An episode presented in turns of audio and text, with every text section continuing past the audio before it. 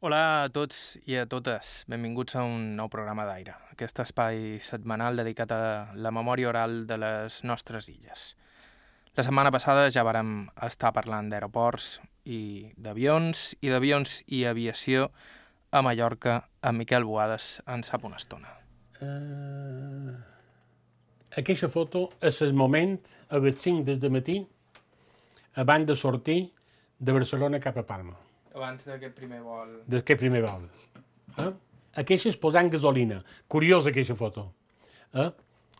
Mira el depòsit de gasolina que va posar per venir de Barcelona a Palma. Començam, de fet, el programa a casa seva. A Miquel em mostra imatges del primer vol de Salvador Edilla, que seria el primer en arribar a Mallorca des de Barcelona. Aquest senyor d'aquí era en Coterillo, perquè qui havia de venir amb en Salvador Edilla era el fill d'aquest senyor. I aquest senyor era el bala de Bilbao. Eh, eh tot com, com anècdota, no? Sí. Això és l'accident que va tenir en el vol que va fer a Mallorca. Va tenir aquest accident. Què va passar? Varen demanar en Escàndal Mallorca, que en aquell moment era, era Alfonso XIII, mm -hmm. per poder fer el vol en Escàndal. I, però ell va posar una condició. Va dir, lleveu les porteries, perquè ja, si no tens les porteries, ja puc anar a l'aire. I va sortir l'aire, va anar tot per fi. Però quan va ser l'aire, què van fer? Eh, ell mos ha dit per anar se'n. Van tornar a posar les porteries. Quan va tornar. I quan va tornar, i va pegar la paret. Com vols, va pegar la paret i, i me va tirar per avall. Eren bastant menys robustos que avui en Oh, dia. ja, ja me dirà. Que havien de Sí. jugueta. Uh, No, no estaven pensats per pegar. Sí, no, no. Aquesta... Això era Can Pere Antoni. Això era Can Pere Antoni. Aquesta fotografia està tracta de l'Almudaina, no? Això és la plana de Can Pere Antoni, i era en el moment que ell va passar per damunt Can Pere Antoni. Eh, és una fotografia que he hagut de treure del diari, però bueno, almenys mos, dona... I volava tot el temps en aquesta alçada. Sí, sí, sí. Que el devies sentir venir. Sí, quan hi havia vent, eh, vent també. No, i, i, i me refereix que quan passava per damunt ciutat... Eh, Eh, però passava un cada... sí, no, però ah, devia, precisament per això devia Sí, ser també sí. tot un aconteixement, Eh, no? Sí, Exacte, sí, sí, sí, seria- sí, sí. Miquel Boades és el president de la Fundació Aeronàutica Mallorquina i ha escrit diversos llibres sobre la història de l'aviació a Mallorca. I com us podeu imaginar, la seva col·lecció de fotografies és senzillament increïble. No, això ara són les pistes. Autocar és Hall del Bristol, Messi Queix... Sí. La gent arribava, veus? I se feia la foto. I se feia la fotografia. M'entens? I això era quan arribaven i o se n'anaven de, de Sant Bonet. Ara veuràs una altra. Mira, això era el restaurant de Sant Bonet. O sigui, la gent estava aquí i tota la operació que tenien de l'avió era que verja. Com tema de seguretat. Sí, sí, estava pegant molt botet. res de res, eh? I vols, vols la gent arribava, se'n va, va, i pujava a l'avió i, i, i tornava, entens? Boades és la persona Això perfecta si vols conèixer millor l'evolució de l'aeronàutica fins als nostres dies a les illes. De fet, la seva col·lecció no només conté imatges antigues, sinó també instantànies més pròximes en el temps, però que igualment delaten l'imparable creixement de l'aeroport de Palma i com la nostra relació amb això de volar s'ha anat convertint en una cosa gairebé quotidiana. Bé, això era el més modern. Això era Sant Sant Joan, deixar de l'any 1960-65. Veus com era la terminal? Això era la terminal. Eh? Això eren les oficines i, i, i la torre de control. No hi havia res més. No hi havia res més. Eh? Veus? Això és la carretera que venia de Palma a Sant Joan. Algo que te dic, gràcies a Déu que no me varen fer cas i ara fes l'autopista. M'entén? Perquè això, això era tot.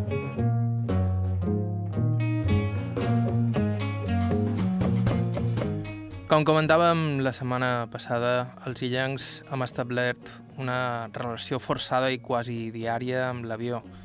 Volam tant que hem deixat de donar-li importància i agafam avions sense ni aturar-nos a pensar que fa no tant això de que una andròmina mecànica s'enlairés era poc més que pura màgia, completament impensable. Avui a Aire ens endinsarem un poc més encara en la història dels avions i l'aviació tan antiga com més recent a les nostres illes. I ho farem, com sempre, a través del testimoni de dos personatges excepcionals. Començam.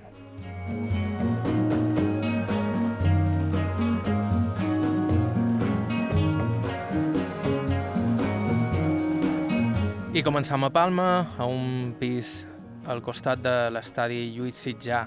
Vos present de nou a Miquel Boades. Miquel Boades Socias Ell va néixer el 3 d'abril de 1944. i en el poble més important d'Espanya, la Pobla. S'ha de dir.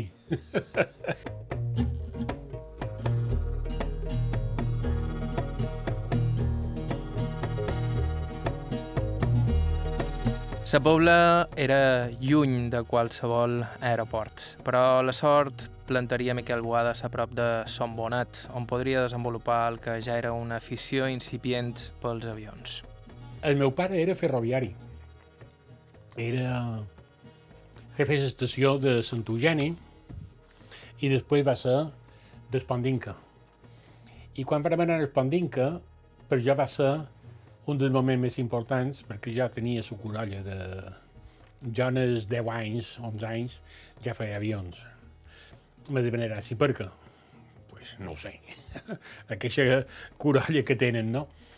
I quan vaig anar al Pandinca, que hi havia Sant Bonet, en aquella època, a Sant Bonet jo estava a l'estació, de l'estació a Sant Bonet hi havia 900 metres. Ja per anar a veure els avions de prop eh, va ser eh, una cosa extraordinària. Pràcticament pensa que jo t'estic xerrant en el principi, quan jo estava a Sant Eugeni, ja només veia aparatos que volaven. En aquella època no, no, no sabien distingir el que era o que no era el tipus d'avió. A més, pensa que a Sant Eugeni veiem els avions que anaven a Sant Sant Joan. I en aquella època Sant Sant Joan només era un aeroport militar. O sigui, venien avions militars i primers redactors i tal. Quan vaig anar a en Espandín, que va ser quan ja vaig conèixer el que era un DC-3, el que era un Junker, eh, el que era eh, els Bristols, o sigui, els diferents tipus d'avions que ja hi havia en aquella època.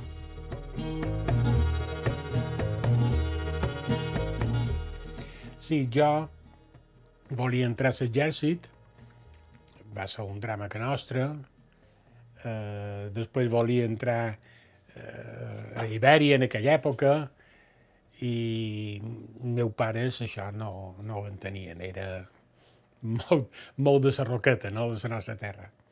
I bé, me vaig fer mestre d'escola i de qualque manera pues, vaig emprendre una, una vida, però, claro, ja en el moment que me vaig emancipar, vaig dir, no, jo ja vull ser pilot, i vull ser pilot. I me vaig treure la llicència de pilot. Pràcticament la vaig haver de treure dues vegades, perquè el principi la vaig treure, me va costar, eren uns 400 euros, perdona, 400.000 euros, 400.000 pessetes eh, d'aquella època, i avui en dia està entre, normalment, normalment, eh, uns 6.000, 7.000, 7.000 euros.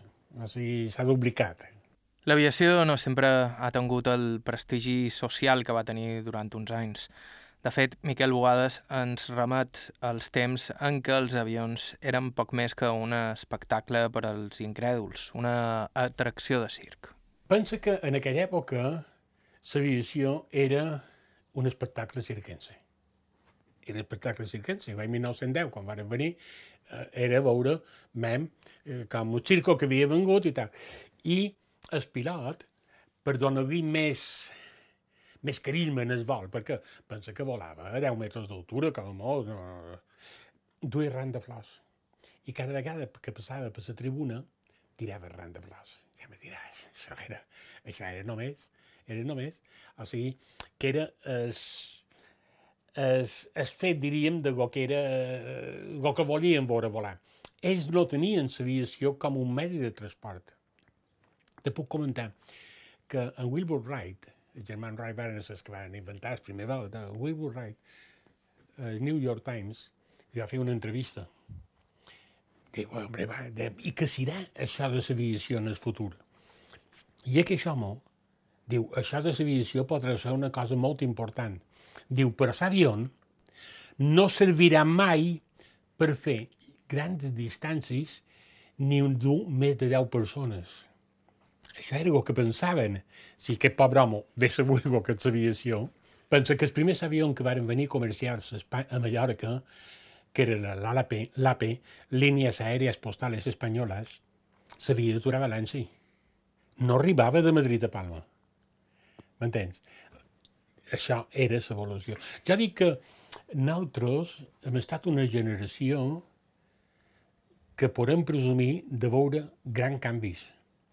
Perquè tant els grans canvis de l'aviació com els grans canvis de la comunicació amb internet i tot això, nosaltres me considero un dels privilegiats a veure tot aquell rebombori que hi ha hagut en aquests medis.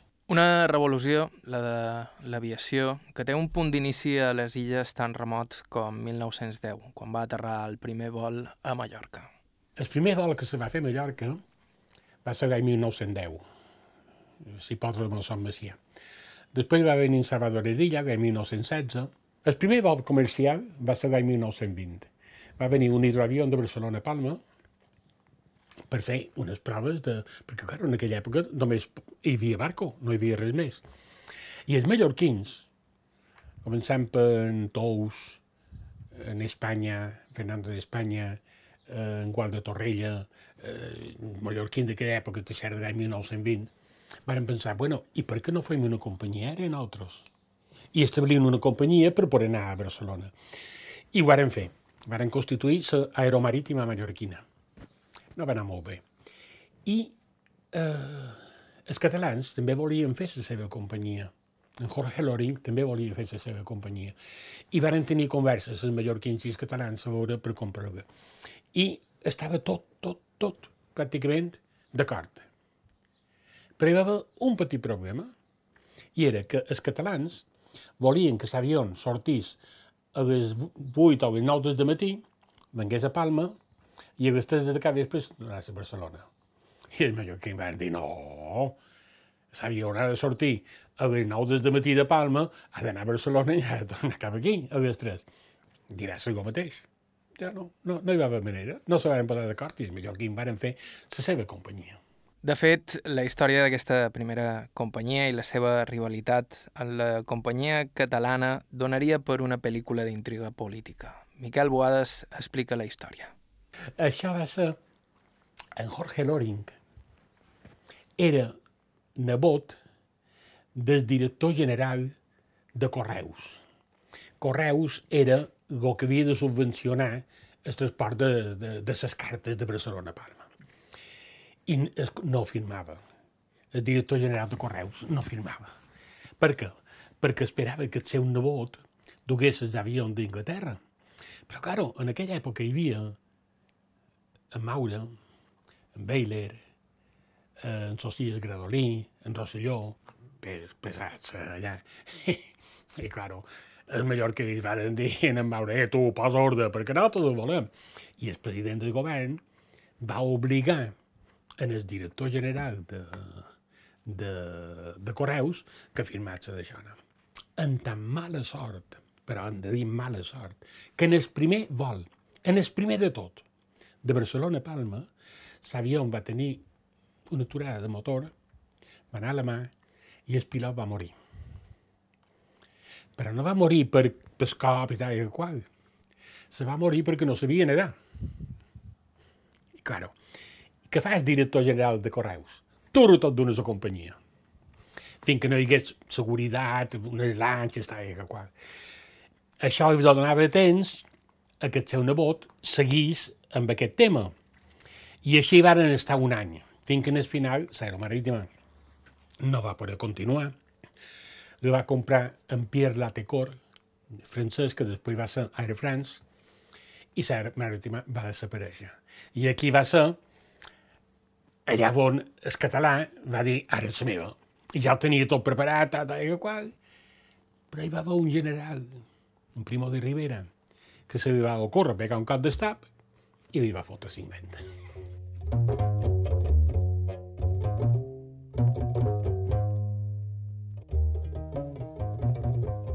I mentre per aquí teníem aquest panorama a nivell internacional, els avions començaven a ser més comuns, sobretot arrel de la seva utilització a les dues guerres mundials.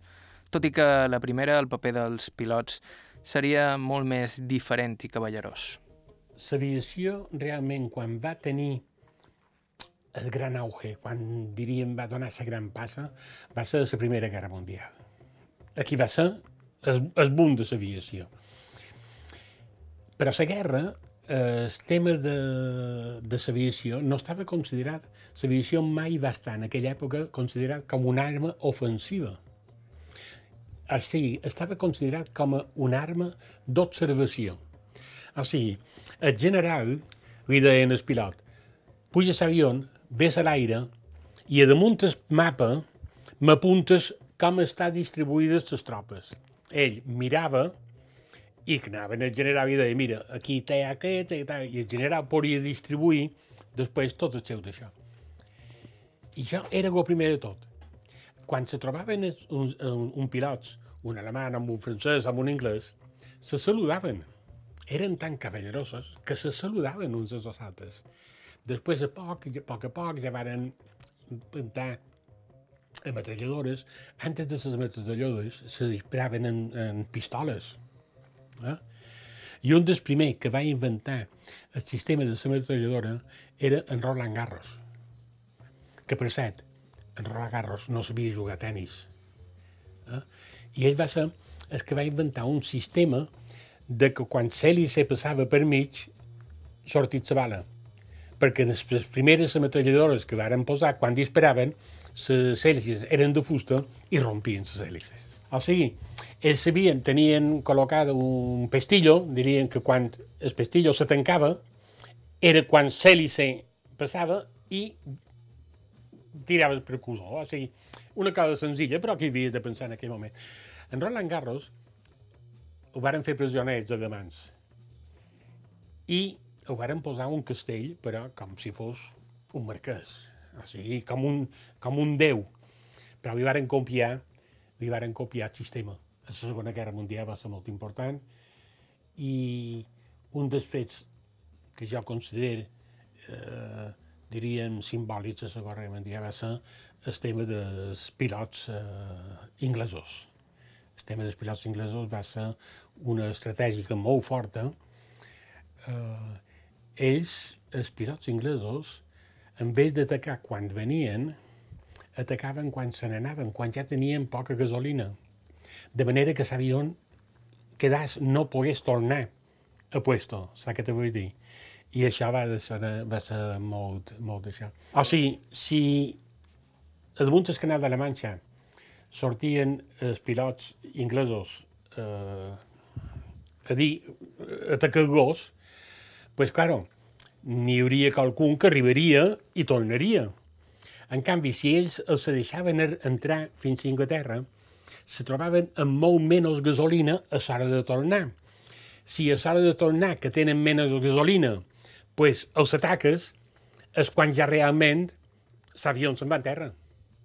O perquè ser atacat, o perquè s'ha quedat sense combustible. I aquest avió ja no el poden emplear per una altra vegada. Esperonada pels avanços de l'aviació militar, seria després de la Segona Guerra Mundial que l'aviació comercial començaria a prendre importància. El cas d'Espanya, també després de la nostra pròpia Guerra Civil.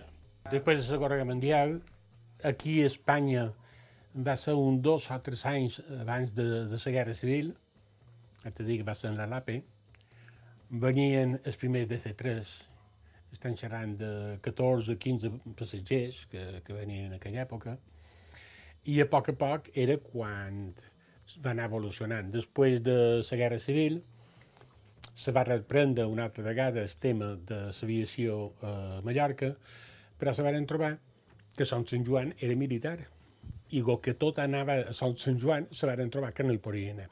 I a posta se va cercar Sant Bonet, que un moment ja se va ser un poc pi... aeroport, no? I a Sant Bonet se va eh, reiniciar totes, però ja va venir Ibèria, van començar a venir totes les primeres companyies eh, estrangeres, Aire France, SATAE, fins l'any 1960, que Sant Bonet ja era molt petita. I el que va passar va ser que ja hi havia començat a haver-hi reactors i varen fer una prova de dur un reactor, concretament un, cara, un caravel, per veure si la pista de Sant Bonet bastava. Per, per, per treure el caravel de Sant Bonet varen haver de llevar totes les cadires i posar dos coets per donar-li fora, perquè si no, no haguessin pogut, no haguessin pogut treure. Això que va fer, diu, eh, no, hem de tornar a canviar. Varen demanar per que Sant Joan militar se convertís una part en civil i el 18 de juliol, concretament el 18 de juliol de l'any 1960, se va passar tot el tràfic de Sant Bonet a Sant Sant Joan. I tot d'una, qualque vegada quan faig conferències me diu el 18 de juliol, per què és 18? No, perquè era dilluns. I el dilluns era el dia que menys vols hi havia a Sant Bonet. I van aprofitar el dia que menys, que menys tràfic hi havia. Sant Sant Joan encara té la part, la part militar eh, que, es, que, que, que estan empleant. La pista, jo sap que Sant Joan té dues pistes. La primera pista, la que s'ha empleat tota la vida, aquella pista és militar. O sigui, encara és militar. Ho empleen el civil, un tot, tal i qual. Però, el que és el concepte militar que no sé aquell concepte d'aquella època. Avui en dia el tema militar és completament diferent. Eh? Els militars, l'exèrcit de l'aire avui en dia és una, eh, servei a la societat. Eh? Gràcies a ell tenim els incendis, tenim els helicòpteros de rescat, tenim tota una sèrie de coses que si ho haguessin de pagar nosaltres eh, seria molt car. I ells realment fan una labor altruista molt important.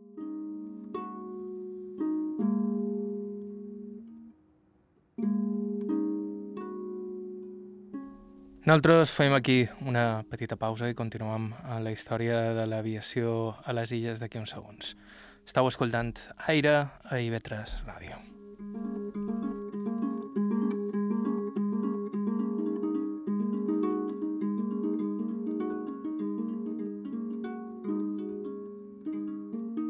A IB3 Ràdio, Aire.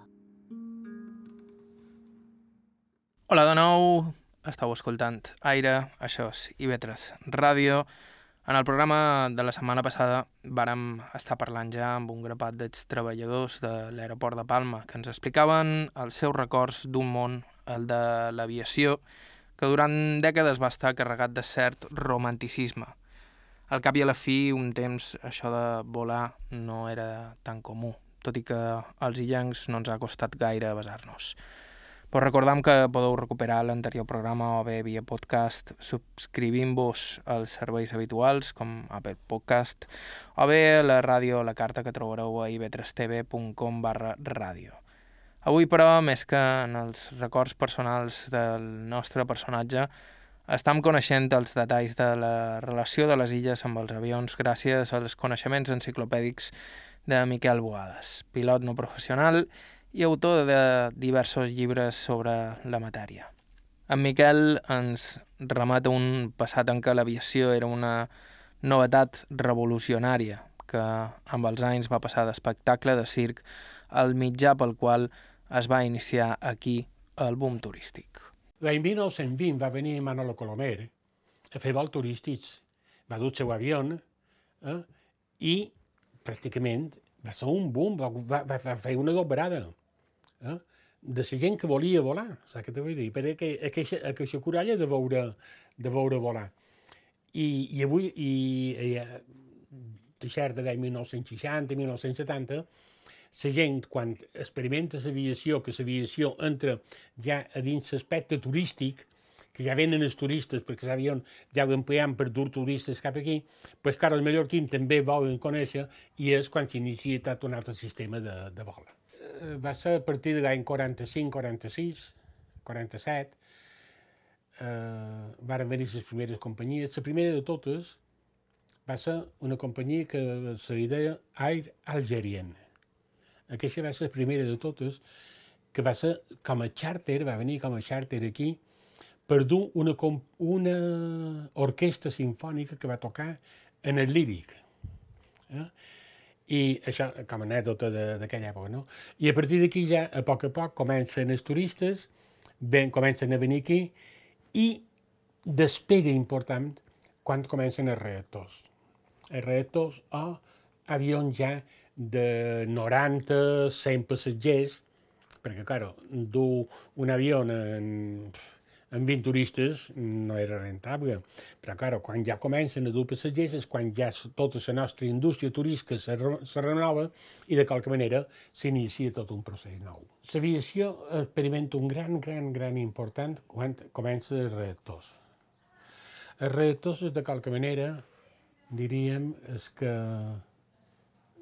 promocionen ja uns vols més ràpids, més alts i sobretot amb més capacitat. Dir? I això dona importància perquè, clar, el que fa barat el cost. El preu de l'hora de vol ho fa, ho fa molt més barat, m'entens? I aquí, abaratant, és quan ja de qualque manera la gent comença eh, a viatjar i a anar d'una banda a l'altra. Com podeu intuir, en els seus inicis, però, l'aviació comercial estava reservada a una elit. Els vols eren cars i plens de petits luxes. Res a veure amb allò que és ara els primers vols que se feien d'Inglaterra a, Fra a París hi anaven cuiners, però de gran categoria. No? Els plats eren plats de porcelana, eh, coberts així com tocava, eh? o sigui, era una cosa eh, exquisita, saps què te vull dir? Allà jo tenc fotografies precioses d'aquella època, de cert de l'any 1950-54, per allà.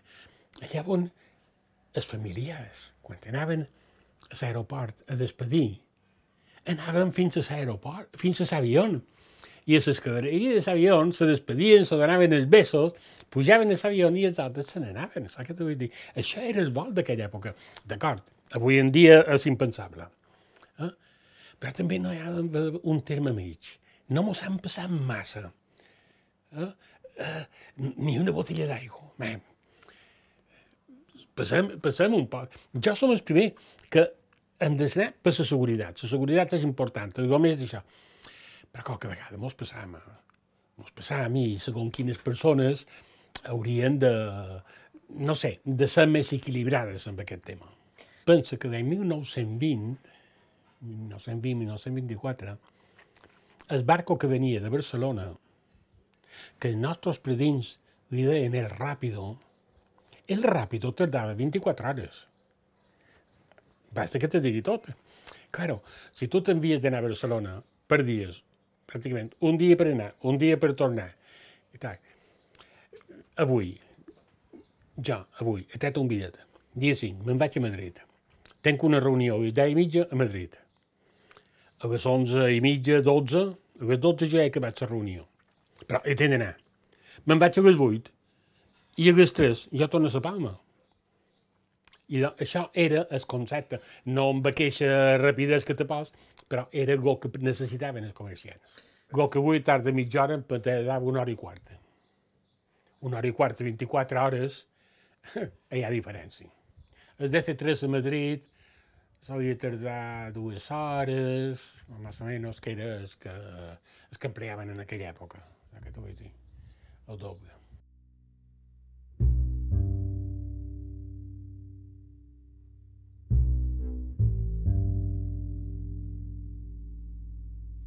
En aquella època l'avió era un mitjà luxós i ràpid, però també més perillós que no pas ara. Avui dia l'aviació presumeix de ser un dels mitjans de transport més segurs, per sobre fins i tot del cotxe, sense anar més lluny. Però un temps els accidents eren freqüents, també aquí a les nostres illes. A Mallorca hi ha hagut una sèrie d'accidents. Un hi va haver un DC-3 que va pegar a la cordillera d'un Fabi, eh? Varen, només hi anaven els pilots i les azafates, però va ser un greu accident. Un altre accident va ser un avió que va sortir de Sant Sant Joan i s'anava a Eivissa i a Camp Estilla va tenir un falla de motor i va tornar enrere, però no va poder eh, arribar a l'aeroport i va anar a Saigo. Se varen salvar tots, menys una persona, una senyora, que va tornar enrere a cercar el bolso. I anant a cercar el bolso, sabien, tots els altres se varen salvar. I després n'hi va haver un altre, que també va ser un de C3 que va intentar aterrar a Sant Bonet, eh, tenia un motor aturat. Aquest avió va sortir de Sant Bonet i s'anava a França. Perdó, a França, a Barcelona. I a damunt un Fabi se li va aturar un motor. Va tornar cap a Sant Bonet, va intentar aterrar, no va poder, va anar una altra vegada a l'aire i es camp, en el camp del futbol del seminari ella va aterrar. Tampoc no va passar absolutament res. Penso una cosa, l'aviació avui en dia eh, és el segon medi de transport més segur del món. El primer és l'ascensor, el segon és l'avió. I és així. Per què? Quan hi ha un accident d'aviació, li donem? Perquè, claro, en el medi de comunicacions això ven. Però si tu analitzes un accident d'aviació en tots els accidents de cotxe que hi pugui haver a Gollar, que avui en dia a dins, a dins Europa supera en molt eh, el que són els accidents d'aviació que poden tenir. Te contaré una altra anècdota. Perquè vegis, un DC-3, DC-3 és... No, no se farà un altre avió com el DC-3. No se'n farà. És un avió, però super, super, super. I venien de Madrid un dia de mal temps, però de mal temps, no? I perquè pensa que en aquella època els avions anaven baixos i quan trobaves vent i aigua, era vent i aigua. Els submariners esperaven, no arribaven, no arribaven què ha passat, perquè, clar, els de comunicació que tenim avui en dia no eren en aquella època. Fins que en el final van sentir Renault del motor, eh, ja arriba, ja, i al final van arribar, van anar el pilot, eh, què ha passat? Eh, oh, un vol terrible, terrible, anava per la dreta, a l'esquerra, per amunt, per avall, tal, qual. Jo li va demanar, i tu què has fet? I aquell comandant diu, jo me'n vaig en recordar del meu instructor que me va dir, això és una mare. I havia deixat tot sol i ella ha vengut. Una de les moltíssimes revolucions que hi ha hagut en el món de l'aviació té a veure precisament amb la posició dels avions en vol i en com els pilots s'orienten un cop són a l'aire. Abans tiraven de brúixola i de sentit de l'orientació i a poc a poc es varen anar introduint nous sistemes que permeten avui dia tenir al mòbil la posició exacta de tots els avions del món. Hi havia el que eren eh, ZNDBs, que eren unes freqüències de ràdio, unes emissores de ràdio que emitien en telegrafia un punt en telegrafia.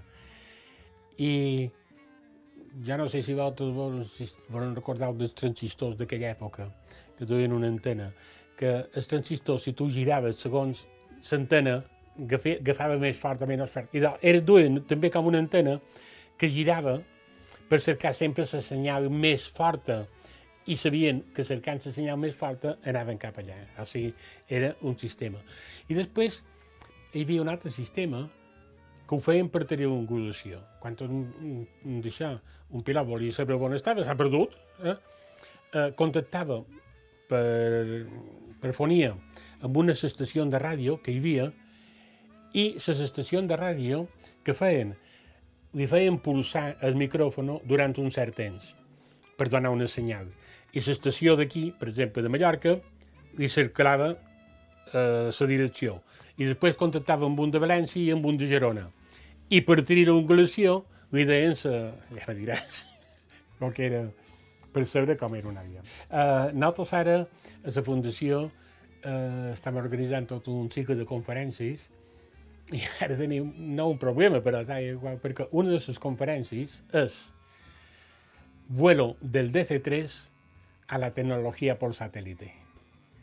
Claro. Hi ha una sèrie de pilots que estan il·lusionadíssims per donar aquesta conferència, que crec que pot ser molt guapa, que un pilot te pugui explicar com pilotava un, un DC-3 i com venia I com avui en dia, en el sistema de, de GPS, pues estan volant. O sigui, realment, l'evolució és eh, enorme.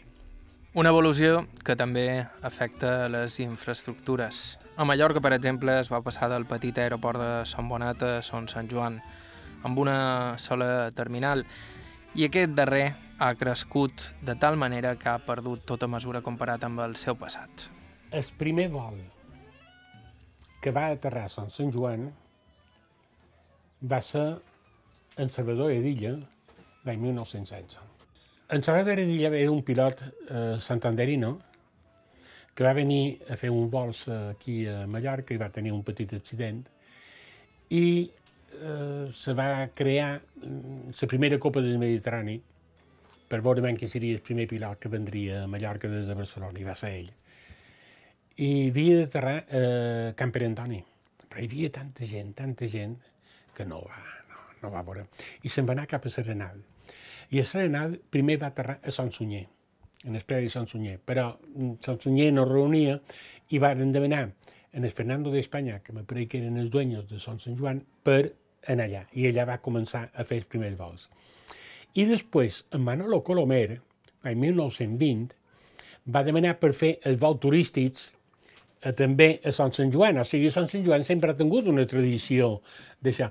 I com a cosa històrica, perquè ell volava, al principi, a Sant Macià, en el primer hipòdromo que hi havia allà.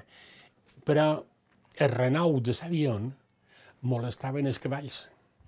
I li van demanar, per favor, que és l'altre puesto i se'n va anar a Sant Sant Joan. En el primer passatger.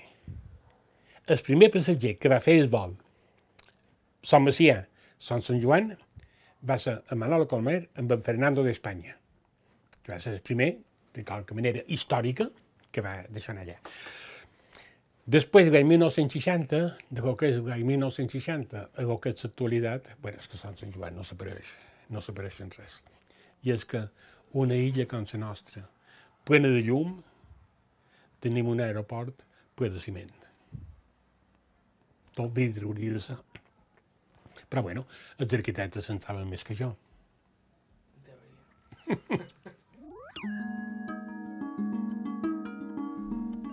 De fet, en la nova terminal i amb milions de passatgers anuals, Son Sant Joan s'ha convertit en un de tants símbols de la saturació turística i la massificació estan saturats. O sigui, Mallorca està saturada en el tema de vols. Passa un cada dos o tres minuts. O sigui, no... no... El que tenim, només hi ha un aeroport i tal. Jo, a un moment determinat, opinava, opinava que en vez de saturar tant com varen saturar Sant Sant Joan, el millor hagués estat a la banda nord la banda d'Artà, totes aquelles terres, que, que hi ha puestos que no són eh, terrenos, diríem, d'agricultura, no fer un Sant Sant Joan, però fer com un altre aeroport alternatiu, de manera de no congestionar tant com tenim congestionat això, sinó difuminar un poc més. I millor difuminant un poc més, també Mallorca podria, eh, no sé, eh, tenir un poc més d'equilibri. Si no sabem si no sabem tenir un equilibri entre tot, pues, eh, o sigui, jo me'n record quan era jove que se va construir la primera autopista a l'aeroport, ha plogut llavors. Eh? Jo era un d'aquells locos que, que me posava davant les màquines perquè no volia autopistes. Gràcies a Déu que no me varen fer cas. perquè imagina que avui en dia eh, haguessin d'anar per aquelles carreteres d'aquell temps. Per tant, jo sempre crec que tot, amb un equilibri, s'ha de poder coordinar tot i s'ha de poder conjuntar tot. Ni tant ni tan poc. Eh, a... Ara, per interessos o econòmics o polítics o digui el que vulguis, mai hem sabut conjuntar aquest equilibri.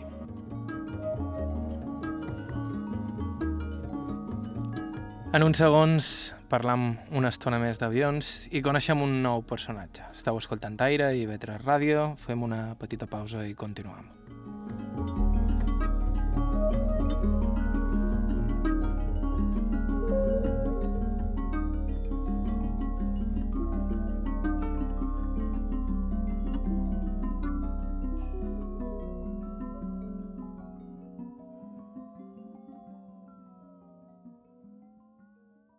Ja tornem aquí. Esteu escoltant Aire a IB3 Ràdio, avui amb el segon dels nostres programes dedicats a l'aeronàutica, als avions.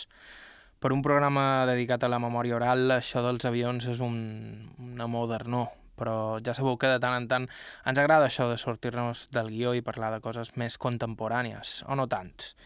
Al cap i a la fi, i com ens ha explicat Miquel Boades a l'inici del programa, els primers vols a les illes es remunten a l'any 1910, fa més d'un segle. D'aquí dos anys, de fet, es compliran els 100 anys del primer vol comercial en 1920. Convivim amb els avions des de fa moltíssim.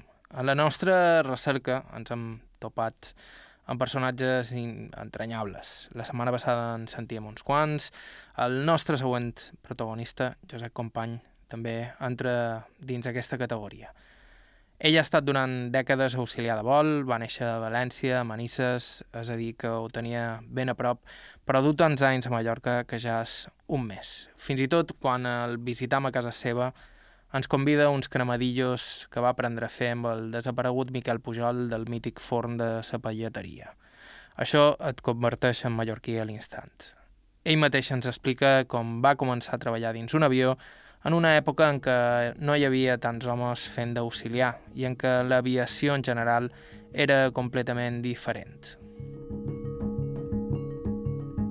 Que jo treballava a l'aeroport de València, era barman, i vaig tindre la gran sort de que quan jo vaig començar era el temps del Fokker i el Fokker feia dos trajectes, uno que sortia de Palma, venia a València, València-Madrid, i al mateix temps i a la mateixa hora per la nit sortia un altre de Barcelona, Madrid, Palma, Madrid-València, Palma. Aleshores jo me vaig conèixer, eh, com jo treballava per la nit perquè volia superar-me en idiomes, cosa que no, que no adelantava, perquè quan no m'havien ensenyat la meva llengua materna, que és el valencià de, de Catalunya o el valencià eh, que li vull gaudir. Me'n recorde perfectament de que l'única manera de poder eh, eh aprendre algo era eh, fent eh, aquests treballs nocturnes. Per tant, vaig conèixer a totes les tripulacions. Eren el comandant, el segon, i una safata, que ens diuen asafates i azafatos. Ara, afortunadament, ha canviat i se diuen auxiliar de vol o tripulants de cabina. En este temps, claro, jo entrava a les 11 de la nit, a les 12 arribava l'avió i a les 2 del matí tornava el que venia de Barcelona perquè el que venia de Palma se n'anava a Barce Madrid, Barcelona, Palma i vas conèixer pràcticament a tothom que volava en aquest temps en aquest avió i me'n recorde de que li dien el lechero, perquè de València a Palma portàvem els recient casats i era un avió que portava meitat, eh, meitat eh, correu i meitat passatge, i allà estava jo. I, clar, eh, quan de cop i volta eh, una, una safata, filla de, de l'alcalde de, de Bilbao, me diu, escolta, t'he vist treballar i m'agradaria molt que vingueres al meu restaurant, que està en el carrer Porciana, que encara està, perquè m'agrada molt com treballes, eres simpàtic, amable. Bueno, m'ho pensaré d'anar a Palma, de tu tenia 22 o 20, 22, 22 anyets. I me'n recorde de que ja m'havia decidit i un dia va vindre una companyera seua i dic, escolta, on està Cristina? I la companyera, i per què vols tu Cristina? Dic, mira, és que resulta que eh, m'ha eh, dit si volia anar a treballar eh, de cambrer i aquesta se queda mirant, que era una altra filla, perquè en aquell temps la gent de, de high class era la que volava els avions, eh, o sigui, allà eren enxufats com jo vaig ser després. I me diu, i a tu no t'agradaria volar? Dic, i tant, dic, per què te creus tu que sóc a prop de l'aeroport? Jo vivia aleshores a 500 metres de l'aeroport. Diu, pues mira, demà que torni a passar te portaré un currículum. Ah, pues molt bé. He fet un currículum. Bueno, el van omplir, el vaig omplir, i va ser tal l'èxit que vaig tindre, perquè coneixia a tothom, quan els, eh, la tripulació se va enterar que jo volia anar a volar, immediatament va córrer la veu i al cap d'un dia que estava jo en el mostrador de l'aeroport, me recordo que y se acostaba una senyora, que era la jefa del personal d'Espantes, de, i me va dir, escolta, eh, qui és i tal Josep, company en aquell temps me en José, que m'entera que està aquí. I vos sóc jo, dic, és que, mira, vinc a veure't perquè eh, m'ha parlat a tothom també de tu, que vull que vingues a examinar-te a Madrid per, eh, per ser auxiliar de vol azafato d'aquell temps, i dic, ah, pues mira que bé, pues ho faré, per què no?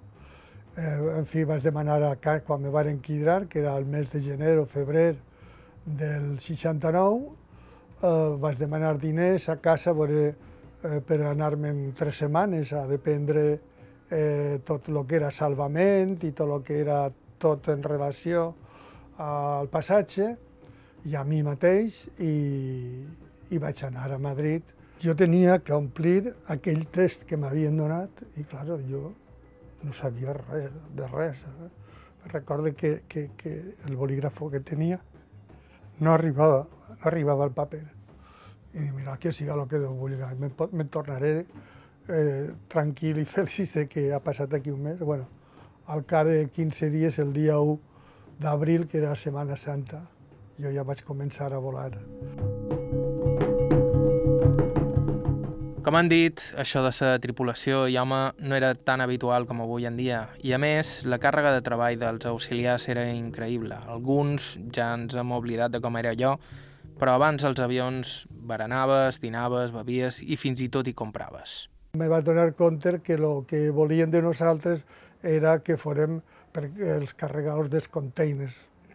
Més o menys que, que quan elles anaven soles també tenien que carregar-ho i eren uns containers d'aquesta medida, o sigui, ben gran i ben pesats, però hi érem dos tios, un davant i un altre darrere, i quatre dones, érem sis, uh, sis uh, auxiliars i fèiem un treball uh, increïble. Jo vaig tindre la gran sort de que immediatament me van canviar d'avió d'hèlice a avió de reactor i, clar, el temps era molt limitat, però hi havia vegades que el comandant, eh, quan arribàvem a Marsella, ja havien donat eh, el berenar, l'havien recollit, havien donat el cafè, el té, i la venta a bord, ja hem acabat. Pues, i, com, I com així, clar, jo tenia, ja m'organitzava de manera que tot era el millor possible. No? D'entrada, el primer que, a part de rebre la gent, fer els... Eh, eh, els obligatoris senyals de portes, donar el diari, recollir els abrigos de les senyores cap amunt, posar-los als racs i eh, donar-los caramelos, donar-los toalletes refrescants, això en terra. Una vegada l'avió havia enlairat, immediatament ja tenies que tindre el suc de taronja, el cafè, el té, i a començar a donar l'avió que anava aixina i tu ja tenies que córrer per, eh, per anar donant a la gent i, i recollir, eh, donar cafè, repetir cafè, té, i altra vegada eh, recollir i passar, passar la venda a si eren vols internacionals i, clar, tenies molta pràctica i veníem la tira, no? però, en fi, que no paràvem, però ho fèiem amb molt gust perquè en 23-24 anys estàs en plenes facultats. L'aviació ha canviat per complet i alguns canvis són menys evidents, com el de la seguretat o el del servei a bord. N'hi ha de més subtils i amb un rerefons polític. Josep Company va estar immers en aquells anys en què alguns membres de la tripulació i excepcionalment algun pilot, recorden que molts venien del món militar, premia perquè les veus als passatgers es donessin també en català. Era un temps de, de, de, de politització, de, de, de, de llengua, me'n recorde que varen tindre la base de Palma, eh, tots els que eren mallorquins, i jo me sembla que era l'únic valencià que havia, que donaven quatre vegades al dia, fent Palma, Maó, Maó, Palma, Palma, Maó, Maó, Palma, i donaven les veus en castellà, en anglès i finalment en català, i varen tindre bronca, perquè les, algunes companyes ja està, està aquí altra vegada i també una vegada me'n recorde en Aviaco, me'n recorde perfectament que varen fer un vol entre Barcelona i Les Palmes i un comandant majíssim, Massip, que que, era, que el recordo molt de carinyo com ell a mi. Josep, tot este passatge de, de, de la tercera edat, eh, d'on és? Dic, pues, me sembla que tots són catalans, perquè jo dic, bon dia, jo feia bilingüe, bon dia, buenos días, bon dia, buenos días. I claro, se quedaven en la copla. I diu, pues estos, i va donar les veus en català. Primer en, anglès, en castellà, anglès, català. I jo, al final, també, un aplauso. Bueno, la qüestió és que al cap de pocs dies, en el diari Telexpress surt en primera plana. Gracias a Viaco, perquè entonces no havia periòdics en català. Gracias a Viaco. Y comencen es de Galicia, pues nosotros también. Es de País Vasco, nosotros también. Eren els, els idiomes de, dichos països i mos quidren a l'ordre. A veure què havia passat en vol, diu, mira, no ha passat res. Me toca a mi el turno, diu, pero usted sabe perfectamente que usted no tiene las voces en catalán en el, en el, en el manual. Digo, yo no, Digo, pero cuando vamos a Rusia eh, sí las damos, por lo tanto yo, pensando que hacía una cosa bien, pues le pedía a Ina Moll en aquell temps i a Ramon Cavaller eh, me podeu traduir eh, aquestes veus al manco la benvinguda i la, i la, i la i jo, sí, sí, sí, sí, ho varen fer, i bueno, varen deixar, i varen donar una ordre als tècnics que tenien que obrir la porta quan començàvem a donar les veus. Però, clar, feta la llei, feta la trampa. Estos avionets, el TC-9, que l'haureu volat, eh, tenen una porteta i, i els pilots estan allà i jo esperava eh, que l'avió començara a posar motors i així no s'enteraven de res i havia dit les veus en, en castellà i en anglès i al final es dia en català i tots. Veies la gent contenta, mallorquina, menorquina, ibicenca, tot, tots els llocs que tocàvem els països catalans tenien les veus en, en català i anaven raire de nosaltres fins que al final ja varen posar les veus automàtiques, fins i tot en bable. Així doncs, els avions també han estat escenari de disputes socials i polítiques. Un reflex en part del món en què vivim fins convertir-se en una part intrínseca de la nostra manera d'entendre el món. Avui dia molt més ample i molt més a prop gràcies a la seva existència.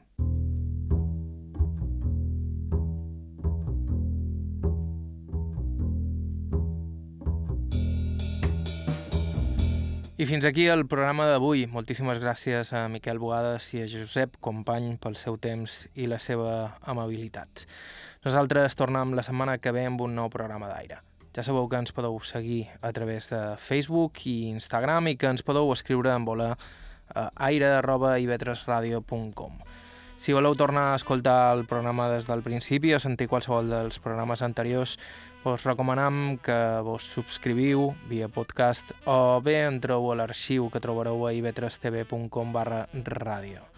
Us recordam també que alguns dels materials d'aquest programa formen part dels fons dels arxius del so i la imatge dels Consells de Menorca, Eivissa i Formentera i de l'Arxiu Oral de Mallorca de la Fundació Mallorca Literària Consell de Mallorca. Bàrbara Ferrer i Margalida Mateu s'encarreguen de la producció executiva, les entrevistes les enregistram amb l'assistència de Jordi i Pol, Alberto Guillén a la producció tècnica, vos ha parlat Joan Cabot, fins la setmana que ve.